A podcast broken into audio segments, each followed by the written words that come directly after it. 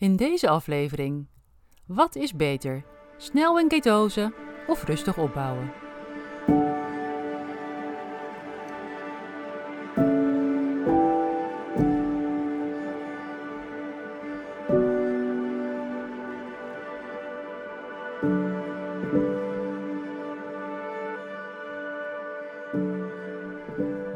De Keto Podcast. Mijn naam is Louise Blikkenhorst en van harte welkom bij aflevering 30. De vraag van vandaag is: wat is beter? Snel in ketose of rustig opbouwen? Nou, het ligt er helemaal aan wat de situatie is. Wil je heel snel de effecten van ketose ervaren, dan kan een abrupte overstap naar ketose nodig zijn. Denk bijvoorbeeld aan een hersenschudding. Daarbij kan de aanwezigheid van ketonen snel leiden tot uh, een beter hersenmetabolisme en daardoor beter herstel en minder last van langdurige restklachten. Abrupt over in ketose kan grotere kans op problemen geven. En bij sommigen ook niet, maar hoe minder metabool flexibel je bent bij aanvang, hoe meer omschakelproblemen. Bijvoorbeeld duursporters die al meer in de vetverbranding verkeren, zijn meer metabool flexibel en hebben wel eens minder aanpassingsproblemen, maar het is dus per individu verschillend. Geen garanties dus. Maar welke problemen kunnen zich voordoen? Nou, denk aan verhoging van triglycerides, snelle verhoging van de LDL-cholesterol, ketogriep in een heviger vorm, verhoging van de zuurgraad, slechter, uh, slechter slapen, verhoging van stress, honger, cravings, spijsverteringsproblemen zoals obstipatie, vetdiarree of misselijkheid en ook detoxverschijnselen zoals hoofdpijn en huiduitslag. Een groot deel van deze klachten bij een plotselinge overgang naar ketose kun je beperken door naast het uh, verhogen van de vetinname juist de calorieën te beperken. Je krijgt niet alleen te maken met een abrupte omschakeling van glucoseverbranding naar vetverbranding, maar ook met een plotselinge verhoging van de energieinname en dat kan de verhoging van triglyceriden en LDL verklaren. Er ontstaat tijdelijk een energietoxiciteit, een teveel aan energie wat niet goed verwerkt kan worden en bepaalde waarden doet stijgen, en dat kan er zorgelijk uitzien. Het beperken van de calorieinname kan hierbij helpen, dus combineer bijvoorbeeld de ketogene voeding met kortdurend vasten of intermitterend vasten. Ook andere mechanismen zoals de uitscheiding van zouten en het bufferen van zuren moet bijgesteld worden. De nieren moeten zich aanpassen en die hebben wat tijd nodig en dit kan leiden tot hevigere klachten van de zogenaamde ketogriep.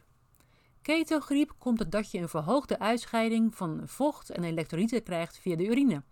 En de symptomen daarvan zijn vermoeidheid, spierpijn, buiten adem zijn, verlaagde concentratie en cognitief minder scherp en hartkloppingen. En deze verschijnselen kunnen heviger zijn bij een plotselinge omzwaai naar ketose. Doordat ketonen zuren zijn, kan ook een verhoogde verzuring ontstaan.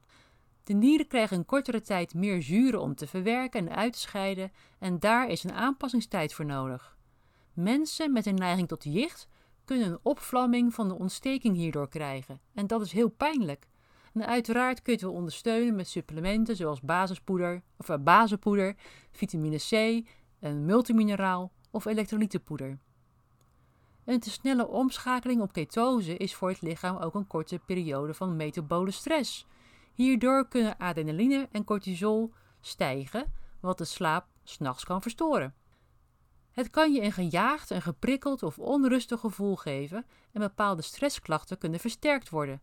En door dit alles kun je juist cravings krijgen en een gevoel van honger. Ook je darmen zullen moeten wennen aan dat er minder koolhydraten binnenkomen en juist meer eiwitten en vetten. En dit kan allerlei klachten geven van obstipatie, misselijkheid, onprettig gevoel in de buik, oprispingen en een vetontlasting en zelfs vetdiarree. En ook hier zijn middelen voor om het te verminderen. Bij obstipatie kun je bijvoorbeeld erop letten dat je nog voldoende uh, vezels krijgt uit groentes, of je neemt wat meer magnesium in, of als het echt vastloopt, dus extra vet zoals MCT-olie, een idee. Maar heb je juist moeite met de vetvertering, dan kun je die ondersteunen met bepaalde spijsverteringsenzymen, maar ook met water, met een beetje citroensap of appelsiederazijn. En kun je juist niet tegen de MCT-olie, kies dan bijvoorbeeld een MCT-poeder. Die wordt vaak beter verdragen.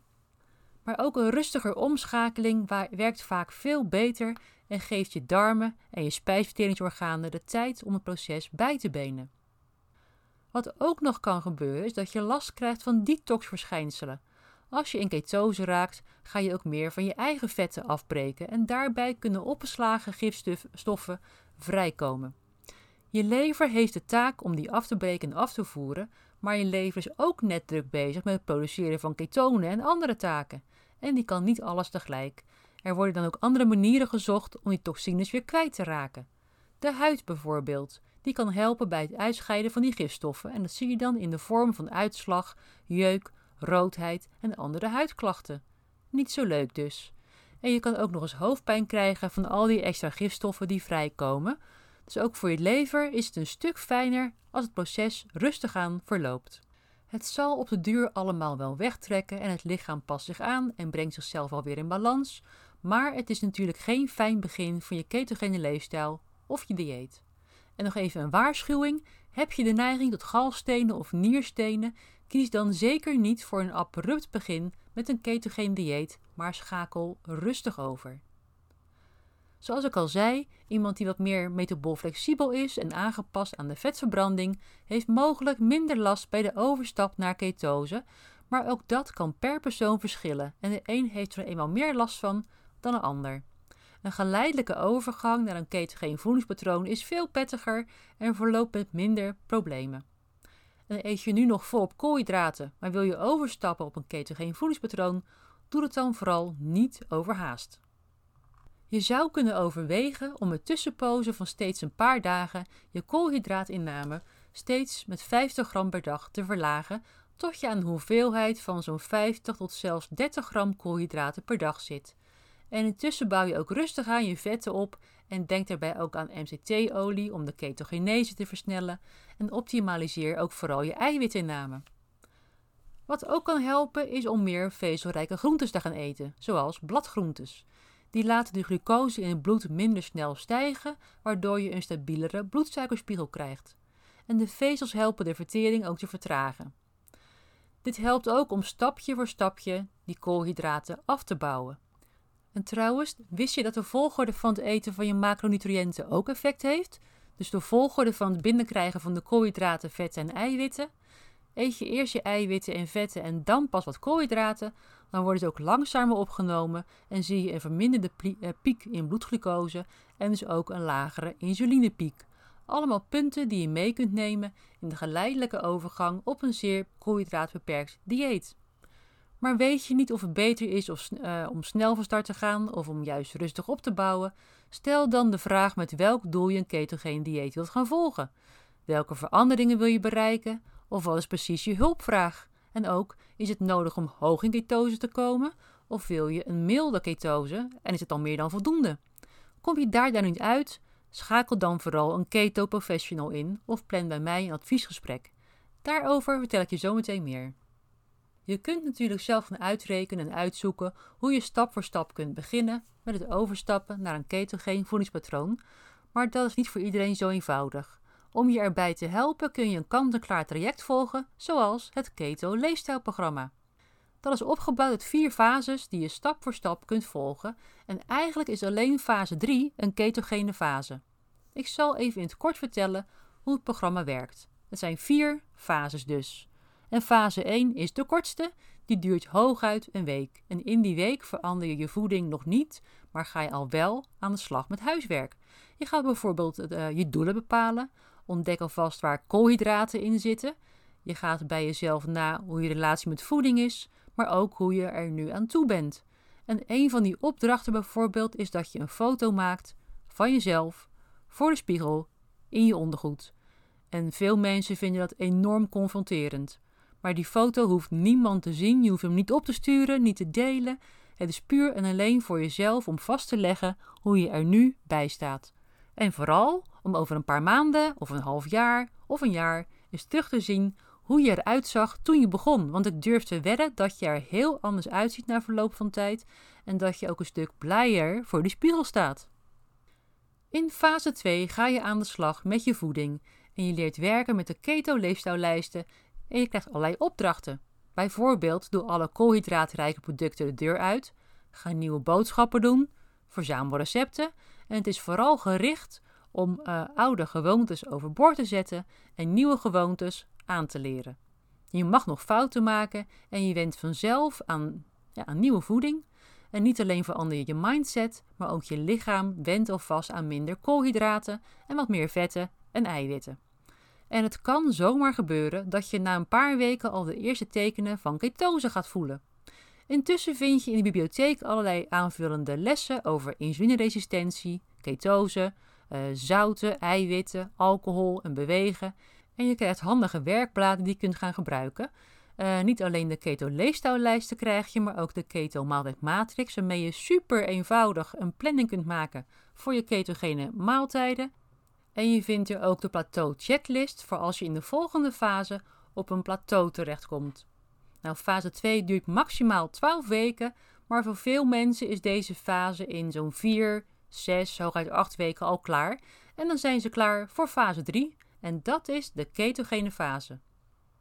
Het is dan de bedoeling dat je de koolhydraatinname nog verder aanscherpt en in ketose gaat komen. Uiteraard bespreken we de valkuilen waarin je eh, terecht kunt komen, zoals wat doe je als je verschijnselen van ketogriep hebt, of wat doe je als je niet in ketose komt, en hoe meet je nou de ketonen het beste, en uh, ben je dan lekker in ketose en je valt niet meer af, als dat tenminste je doel is, hoe los je dat dan weer op? En daar is dus die plateau checklist onder andere voor. Het doel is niet alleen uh, dat je zelf je gestelde doelen gaat behalen, maar ook dat je je lichaam de tijd geeft om keto-adaptatie te bereiken. En daar trek je ongeveer zo'n 12 weken vooruit. Dan ben je er nog niet, maar dan heb je wel een heel goed begin gemaakt. De adaptatie gaat ook daarna nog gewoon door. En de metabole flexibiliteit die je dan bereikt hebt, kun je nog verder verankeren. En veel mensen zijn nog niet bij hun doelen na 12 weken en houden uiteindelijk de ketogene fase maanden tot zelfs wel een jaar vol. En vaak zie ik ook wel dat ze er eens uitgaan en dan weer rustig in ketose komen. En dat is helemaal prima. Dat vergroot flexibel maken van je metabolisme juist weer verder. Uiteindelijk kom je dan bij fase 4 en dat is eigenlijk geen fase, maar dat zijn de jaren erna. En in die jaren ga je door met je ketogene leefstijl op een manier die bij jou past en je hebt nog veel meer ruimte om uh, meer gevarieerd te gaan eten, om eens wat te gaan experimenteren. En je leert vooral te voelen wat goed is voor jou en waar je grenzen liggen. En val je nou helemaal van de wagen, dan leer je ook wat je moet doen om weer terug op de rit te komen. En op die manier maak je het je leefstijl en die kan je de jaren blijven volhouden. Wat je vooral niet krijgt bij het Keto Leefstijlprogramma zijn weekmenu's, boodschappenlijstjes en recepten. En waarom niet?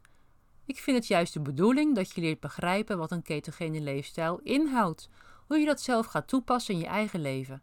Het moet passen bij jouw gezinssamenstelling, je werk, je voorkeuren, je smaak, je levensfilosofie, je religie, noem maar op. En als je het alleen maar uh, volgt aan de hand van kant-en-klare programma's, dan kan je prima je doel behalen, maar wordt het dan wel echt een leefstijl die bij jou past? En leer je dan wel hoe je die leefstijl weer kunt aanpassen als er dingen in je leven veranderen. Wanneer je echt begrijpt waar het om gaat en waar het om draait en hoe je dat zelf kunt toepassen, dan bouw je nieuwe gewoontes op, een nieuwe leefstijl en die kun je met gemak jarenlang volhouden. En dat is waar het wat mij betreft om gaat. En het mooie is, het Keto Leefstijlprogramma is een heel mooi stap voor stap opgebouwd traject. En in die lessen en video's leer je precies wat je moet doen en waar je op moet letten. En inmiddels hebben vele mensen dit programma al zelfstandig gevolgd en succes geboekt. Een aantal quotes en reviews vind je op mijn website, maar luister ook vooral nog eens een keertje naar de podcast aflevering nummer 12, waarin Monique vertelt over haar ervaringen met het Keto Leefstijlprogramma, hoe ze 25 kilo afviel en dat ook zo wist te houden. Monique kreeg trouwens begeleiding bij het programma, nog van mijzelf toen, maar inmiddels zijn er meerdere ketenprofessionals in Nederland en België die ook coaching of begeleiding kunnen bieden. Ze zijn opgeleid bij Ketogeen Instituut Nederland en bieden op hun eigen manier begeleiding aan.